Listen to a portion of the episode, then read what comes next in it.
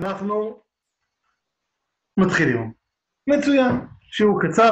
אנחנו לא בכיתה, אנחנו במשרד. בכיתה יש שיעור בזום של חונן, ימי קורונה, החניכים חזרו. אז בואו ננסה לחזור לשני השיעורים הקודמים. בשיעור הראשון הצגנו בעיה. מה זה אומר הצגנו בעיה? הראינו שמצד אחד בציונות יש תנועה של מרד, תנועה של מהפכה. בכלל הגדרנו את הציונות לא כתנועה פוליטית, אלא קצת כתנועה פסיכולוגית, שרוצה להשתחרר מהגלות, לא דווקא הגלות החיצונית, שאני גר בגרמניה, בפולין או במרוקו, אלא מהגלות הפנימית, שהיא בין השאר השעבוד להלכה. כן? זה מה שאמרנו. לכן היא תנועה מרדנית. מצד שני, אותה תנועה ציונית גם אומרת משפטים הפוכים, כמו שהציונות היא שיבה אל היהדות. אמ, וזה ממש משפט שהוא הפוך. הרצל, בסיפור שלו על המנורה, מספר שהוא עוסק בעצם בחנוכיה. כמובן חנוכיה עוד לא הומצאה, בעצם עוסק ביהודי שמגלה את יהדותו, הוא מספר על עצמו, על הרצל, שהוא כאילו שב בתשובה, לא, לא בתשובה דווקא אל הדת, כן? אבל זה מחזיר אותו ליהדותו הדבר הזה, שנקרא ציונות. אז תחליט, זה מרד ביהדות, או שזה המשך של היהדות? מה, מה, מה, מה התנועה שלך? נתן לתת עוד דוגמה שלא הבאתי בשיעור, בשיעור הראשון, על מנת שיהיה פה גם אה, דברים חדשים. אה, הבאתי עוד כל מיני דוגמאות. אולי אחרי זה עוד טיפה נחזור להרצל, אה, אז נגיד עוד כמה דברים. תסתכלו נגיד על דמותו של שאול צ'רניחובסקי, אוקיי?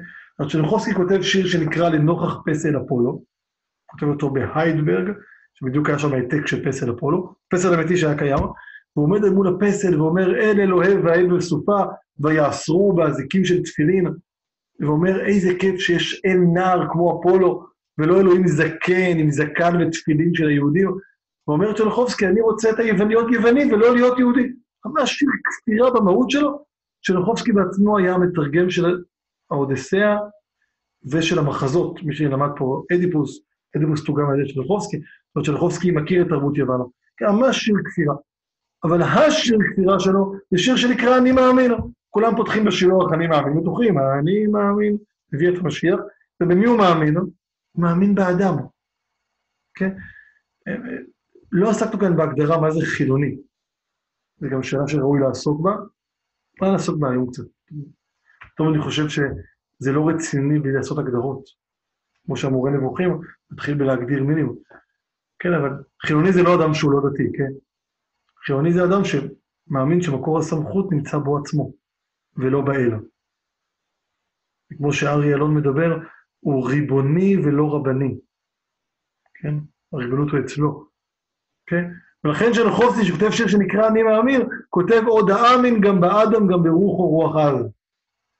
על השטר הירוק של הדולר כתוב In God we trust, על השטר הירוק הישראלי כתוב עוד האמין באדם.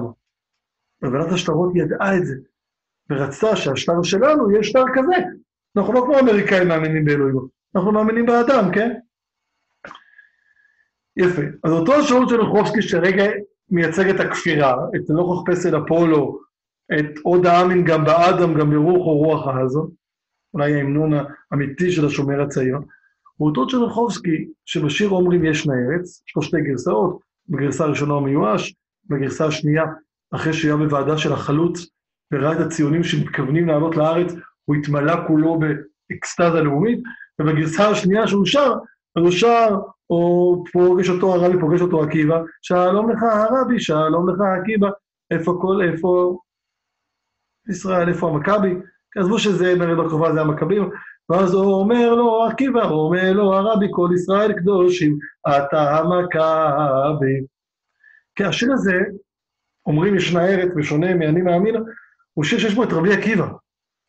הוא שיר שמצטט כל ישראל קדושים, אומנם ציטוט של קורח, אבל כל ישראל קדושים, אתה המכבי. זה לא שיר של אדם שאומר נמאסתי מהיהדות ואני רוצה להיות יווני. כן, זה לא שיר, לא, זה לא שיר דתי, כן? אבל זה לא שיר, כן? אספר לכם מאנקדוטה. אה, השמעתי בתיכון יחד מודיעין, והנה יש כאן בוגרים של יחד מודיעין, שמו. לא, אין פה. שמעתי בתיכון יחד מודיעין את השיר 12 ירחים של נעמי שלנו. ותשרי אל אתה נדק אל פרי שחור נחמד. שאל אותם אם זה שיר דתי או חילוני. אז אמרו לי שזה שיר דתי. כי הוא עוסק בתשרי חשוון כסלו, ולא בינואר-פברואר. בכוונה התכוונתי שהוא שיר חילוני. כי בתשרי אין שם שופר, או רימון, אלא יש פרי שחום של הדקל, כן? בניסן אין מצות, אלא בניסן אה, הונפו בכוח כל החרמשים, כן? אז השיר הזה הוא שיר חילוני, מצד שני, הוא מתייחס לחודשים העבריים, כן? זאת אומרת, ולא לינואר פברואר. מעניין. שלחובסקי הוא דמות מעניינת. שלחובסקי היה נשוי לאישה לא יהודייה. כשהוא נפטר, הרבה חרדים ממש יצאו נגדו, וכתבו בפשקווילים שהוא נפטר בתוך מיסיון של נוצרים. כן? הסיפור כמובן תמיד יותר מורכב מזה. שכר דירה בסן סימון, מהמנזר, שם הוא נפטר, לא היה מיסיון. זהו, אשתו עצמה, אשתו קבורה בבית העלמין הנוצרי בחיפה. והוא קבור בבית העלמין טרומפלדור, ליד אה, ביאליק ואחדם. אה, בתל אביב, העיר שבה הוא היה רופא ילדים בגימנסיה הרצליה. אה, אבל נשוי לאישה לא יהודיה, כן? זאת אומרת, הוא ממש, מצד שני, הוא מדבר איתי על רבי עקיבא. כן, מין חילוני מדבר על רבי עקיבא, כן? מה, מה נסגר איתך, אחי? יפה, אז עד כאן הייתה הצגת הבעיה, וזה היה השיעור הראשון. זאת אומרת, לא הצגתי שיעור שאומר שהציונות היא חילונית, אבל גם לא שהיא דתית, אלא שיש בה בעיה. עכשיו, זאת בעיה זהותית, זה קרע זהותי שמעסיק אותנו עד היום. היום אנשים עוסקים בדתיים וחילונים, אז אומרים כן תחבורה ציבורית בשבת או לא תחבורה ציבורית בשבת. ואז הם הולכים למקום הפוליטי, אה, אה, החיצוני, שבו צריך לפתור את הבעיה הפרקטית. אבל מה עם השאלה הפנימית שלי פנימה? האם אני שומר שבת או לא שומר שבת? מהי השבת שלי? כן? שאלה הרבה יותר מעניינת. אחרי שנפתור אותה, נוכל לחשוב מה עושים עם האוטובוס. אבל זו שאלה שהיא עמוקה. זו שאלה שבה בעצם עוסקים, עוסק השיעור שלנו. יפה, עד כאן היה השיעור הראשון. בשיעור השני הצגתי שני דרכים לפתור את המתח, ואת שניהם סתרתי. אבל אני רוצה טיפה להעמיק בהם, ואז להמשיך הלאה. אוקיי, אז ככה. הצעתי אה, שני דרכים לפתור את המתח. עצה אחת שאמרתי אותה בשם מיכה גודמן, כמו שאמרתי בשיעור הקודם, אני אגיד גם עכשיו, סוג של מורי ורבי, ספרים שלו, האישיות שלו. אני עוד שנייה אציג נקודה שלדעתי הוא טועה בה, אבל אה, ממש כתלמיד לפני רבו. לא, כאילו, הוא הרבה יותר חכם ממני, כאילו, לא, לא חולק עליו כאילו, וכולי, כן? אבל נראה לי שיש פה איזו נקודה שאפשר טיפה יותר אה, אה, להעמיק בה. אחרי זה אולי ניתן עוד כמה ביקורות על הספר המצוין שלו, שחובה לקרוא אותו. יש לי קצת ביקורת עליו. אה, אז מיכה אומר, מה הבעיה? צריך לחלק את ה... כמו שיש יותר בדרך אחת להיות דתי, יש יותר בדרך אחת להיות חילוני. יש חילוני של ברדיצ'בסקי וברנר, שרוצה לזנוח את היהדות, ויש חילוני של אחד העם וביאליק, שהוא אומר, מה זה להיות חילוני? זה להיות בעל הבית על היהדות. להחליט מה עושים, מה מחדשים בחוגו את חגיכם, וחדשו בהם דבר מה, אומר ביאליק לקיבוץ גלגל לקראת פסח, כן? זה שני דרכים. יפה. ממשיך מיכה ואומר, החברה הישראלית בחרה כמו ברדיצ'בסקי, היום שמישהו הולך לקבלת שבת, אומרים לו, מה, אתה חוזר בתשובה? ולא אומרים לו, מה, אתה נהיית יותר חילוני, כמו אחד העם שלוקח בעלות לקבלת שבת שלו? יפה. אמרתי שיש לי שני בעיות עם התפיסה של מיכה. אחד, היא שזה מאוד קל לחלק, זה, זה, זה, זה, כאילו אני עושה מסילה. אבל שרחובסקי זה אותו בן אדם. אצל הרצל זה אותו בן אדם. חלוקת טקסטים היא לא כל כך פשוטה. זאת אומרת, להגיד זה, זה מחלק לימין ולשמאל, כן? להגיד שהחברה הישראלית בחרה כמו ברליצ'בסקי, חברה ישראלית היא סופר מסורתית. חברה ישראלית, אה, אה, כל החילונים, כן, כולם מדליקים נרות חנוכה. אה, קראתי בפייסבוק על איזשהו רב שאמר שזה בעיה שאנשים מתגיירים ואחרי זה לא מלווים אותם, כי אז הם גרים בסביבה לא יהודית. מה? גרים בסביבה לא יהודית? אולי הם גרים בכפר ערבי, הם גרים בסביבה לא יהודית. אותם מתגרים גרים בסביבה סופר יהודית. בראשון, ברחובות, בתל אביב, בירושלים, בקיבוץ מזרע. סביבה לא דתית, אבל מאוד מאוד יהודית, חברה ישראלית, כולם מדליקים נרות חנוכה, כולם עושים ליל הסדר, בתי הספר לא עובדים בשבת, זאת אומרת, כולם עושים סוג של, כמעט כולם עושים סוג של חופשת שבת כזאת או אחרת, גם אלה שעובדים עושים חופשת שבת כזאת או אחרת בתוך השבת, יש תעודת שבת מיוחדת, כן, מהרגעים לגור בסביבה לא יהודית. החברה הישראלית לא בחרה בברדיצ'בסקי. זהו. אני רוצה קצת להעמיק על מנת אה, אה, אה, להיות ברמה שהיא יותר מטלגרפית, ולקרוא רגע טקסט של ברדיצ'בסקי, בסדר? אחרי שאם נעמיק נוכל להבין משהו. עכשיו אני אגיד לך את הגישה השנייה, התפיסה השנייה שהצגתי היא תפיסה מסורתית. התחלתי עם מקום אחר, התחלתי מפרופסור מורגנשטרן, שאמר שהעלייה הראשונה האמיתית היא עליית תלמידי הגר"א. כי אנשי עלייה שנייה שאמרו, אנחנו אנשי עלייה שנייה, הראשונים שאמרו שהם אנשי עלייה היו אנשי עלייה שלישית. שעלו אחרי הצהרת בלפור, הם היו עלייה שלישית, כי עלייה ראשונה זה עליית משה רבנו ויהושע, עלייה שנייה זה עליית עזרא, אמרו לעצמם אנשי הצהרת בלפור, אנחנו העלייה השלישית לארץ. ורק יותר מאוחר הפכו את זה לזה שראשונה זה 82 ושנייה זה 904. ושלישית זה אחרי מלחמת העולם הראשונה. כן, אומר מורגנשטרן, העלייה הראשונה היא המשך של חסידי הגר"א. הוא אומר משהו נקודתי, אבל הוא עמוק. הוא בעצם טוען שהציונות לא התחילה במאה ה-19, שהציונות היא לא תנועה מודרנית של אביב העמים. זה מה שהוא טוען. מגיע אסף מלאך בספרו מהתנ"ך ועד הפלמ"ח, הלאומיות היהודית, ומראה רצף של לאומיות יהודית. גם מורגנשטיין, גם אסף מלאך, שניהם דתיים ושניהם לא באקדמיה המסודרת. מגיע דוקטור אריה וייס, וכותב ספר הרצל קריאה חדשה, שמראה שהרצל גדל אצל סבא שלו. סבא שלו היה תלמיד של הרב אלקלעי, והרצל ממשיך את המסורתית של סבא שלו, של הרב אלקלעי, של הרב אלקלעי, מבשרי הציונות, כן? של להקים מדינה לאומית, של את המשיח וכולי. אפילו אצל הרב אלקלעי הגיע הרב צורף, שהיה שדר של חסידי הגר"א, והכל מתחבר. רק שדוקטור ארי וייס הוא, דוקטור למה מישהו יודע? הוא רופא שיניים. רופא שיניים. רופא שיניים, למה הוא כתב את ספרו? כי הוא גילה שבאקדמיה ובבתי הספר מלמדים שהרצל היה מתבולל. הוא בעצמו קרא את נולין נד עולים אמר ובטוב, תראו מה כתוב פה. וכנגד האקדמיה, כי חוקר עצמאי הוציא את הספר. זה לא מקרה שכולם חוקרים עצמאיים, כי הדעה באקדמיה היא לא כזאת. ולא בצדק. בסוף יש טקסטים של הרצל, שמאוד מאוד מסורתיים, כן?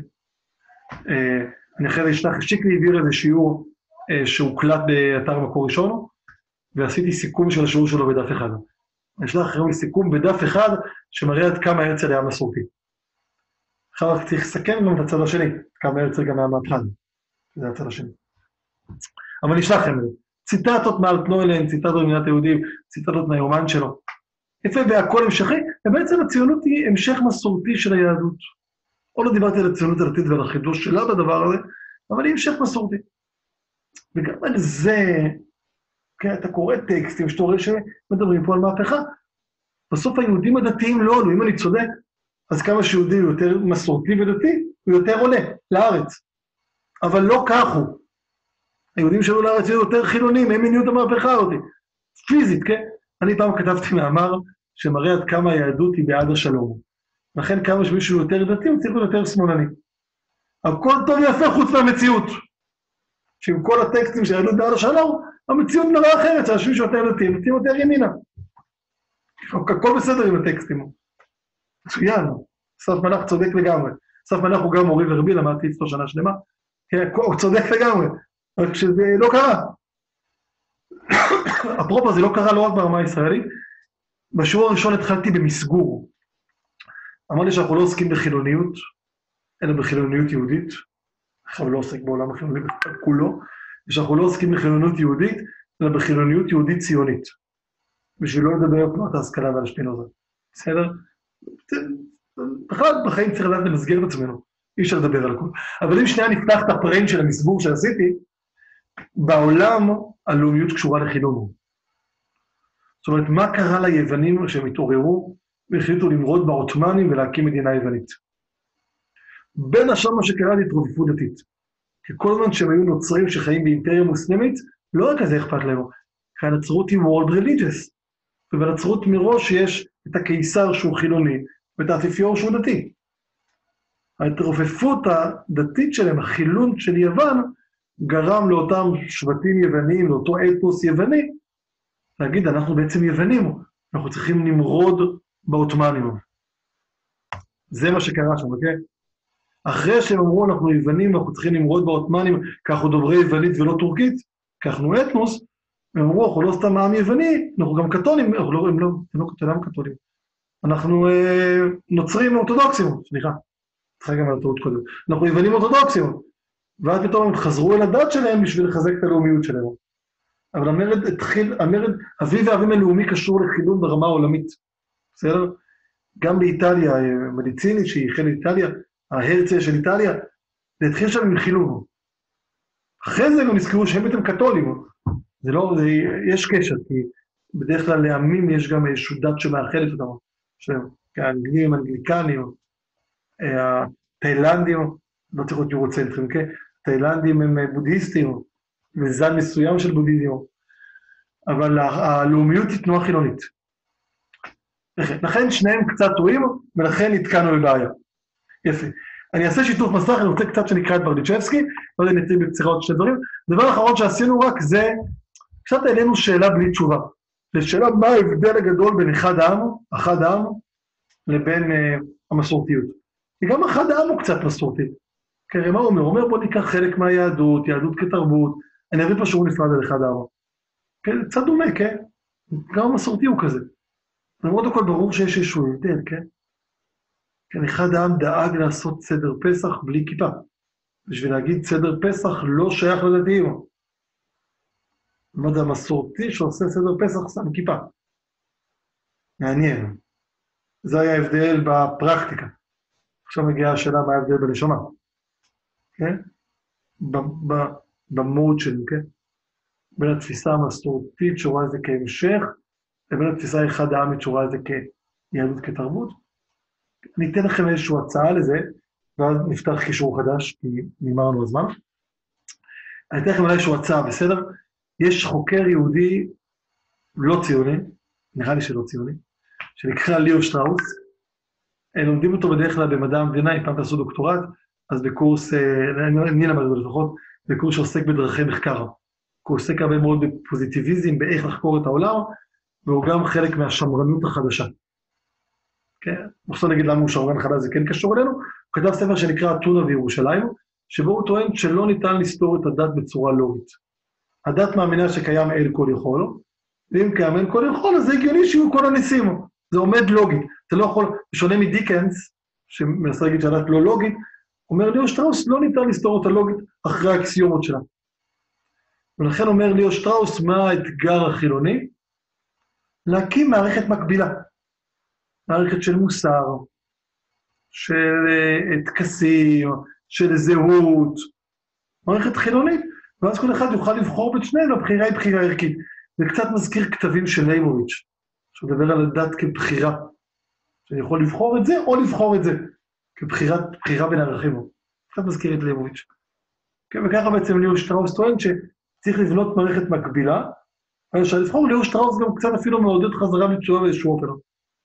חלק מהשמרנות שלו זה קצת חזרה לנצרות בארצות הברית, מהנאו שמרנות שלו, שהוא מראה שאין בה סתירה לוגית, ותבחר, תבחר בבריאתנות, תבחר באבולוציה, זה בסדר, זה בסדר, כן? קצת באחד, זה ספרו אתונה וירושלים, ירושלים מייצג את הדת וההתגלות, אתונה מייצג את השכל, ואומר שאין ביניהם סתירה, לאדם יכול לבחור לאן לטוס, אוקיי?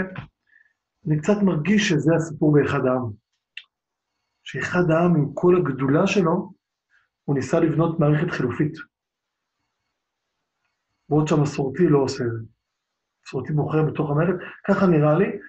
אני אספר לכם משהו מפתיע על אחד העם, ואז באמת נסיים, נעשה קישור חדש. משהו מפתיע על אחד העם, זה שאחד העם היה ההוגה הציוני החילוני, כאילו הכי מקורב ליהדות. הוא עצמו היה נטר משפחה חסידית, הוא קצת נהג נהגים חסידים, והוא רצה שבשבת פה כל החנויות יהיו סגורות על מנת שתהיה שבת לאומית, כי זה האיסטנציה הלאומית שלנו, והוא רצה שבית ספר העברי ילמד תנ"ך, ותורה שבעל פה, והלכה, כי זה השפה הלאומית שלנו. הוא היה מעורב בכתיבת התכנים בבית ספר היהודי החילוני ביפו, כן? ללמוד את כל מדעי היהדות, כי זה התרבות הלאומית שלנו, זה יהדות כתרבות, אז זה התרבות שלנו. רוצה שהספרות כולה תצא מתוך ספרות הקודש. כן, ממש כאילו. למרות הכל, הדתיים לא אהבו אותו. הדתיים העדיפו לחבור למפלגה של הרצל, של נורדו שהיה נשוי ללא יהודייה, ולא למפלגה של אחד העם, שרצה לכפות פה על כולם להדליק נרות חנוכה ולעשות ליל הסדר. כי הם קצת קלטו את זה. קצת קלטו שאחד העם בעצם מייצג מערכת חילופית. בעוד שהרצל אומר, בואו נקים מדינה, אחרי זה נחשוב מה יהיה בה. ונקים מדינה אפשר עם כולם, כן? זה ה... תדעו שזה זה מפתיע שאחד העם... אה, אתה קורא... אה, בפסח, ב, ביום טוב הראשון של פסח, קראתי את כל אה, כרך א' של הפרשת דרכים של אחד העם. יש שם תורה, אה, פרק שנקרא תורה מציון, פרק שנקרא תורה שמינר, אה, סיפור משה שחותם את הכרך הראשון, או שאני זוכר בעוד כמה אה, שמות, חיכוי והתבוללות, זה ממש טקסטים שאני כאדם דתי אומר, וואו, טקסטים של ראש ישיבה. קודם כל דתיים לא, לא נכנסו לשם.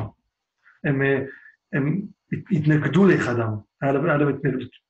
טוב, יפה. אנחנו, נכון, נסגור את הקישור כי עוד רגע זה ייגמר.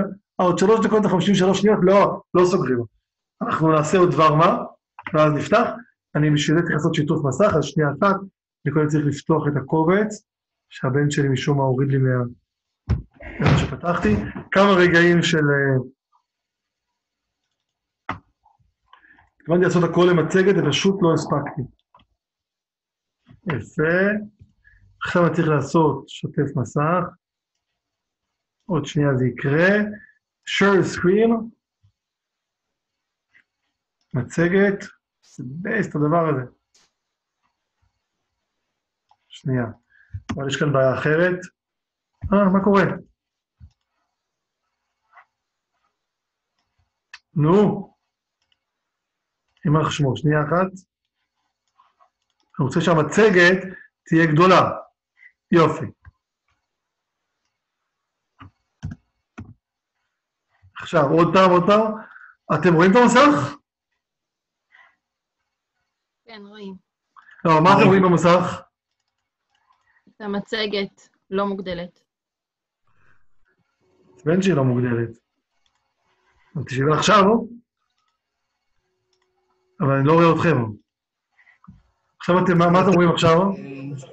טיקטין, אתה יכול להגדיל עם הקנה מידה שבשמאל למטה. אם אני אצליח, אני משום מה לא בזום בכלל. שנייה. אני לא בזום. טיקטין, מקודם הצלחת להגדיל אותה, טיקטין. היא הייתה אה. במצב תצוגה מקודם. שמו. טוב, אנחנו נצליח... אה, עכשיו אני לא רואה אתכם, נעלמתם לגמרי. אנחנו נצליח. אתם רואים את המצגת? יהיה בסדר. בסדר? כן, אני רואה את הכפתור הזה. לחצתי עליו קודם. או, רואים? עכשיו נהדר. או, נהדר, יופי. הנה תמונה של מיכאל סטברליצ'בסקי. כולם רואים את השפם שלו? שפם שלו זה קטע משמעותי.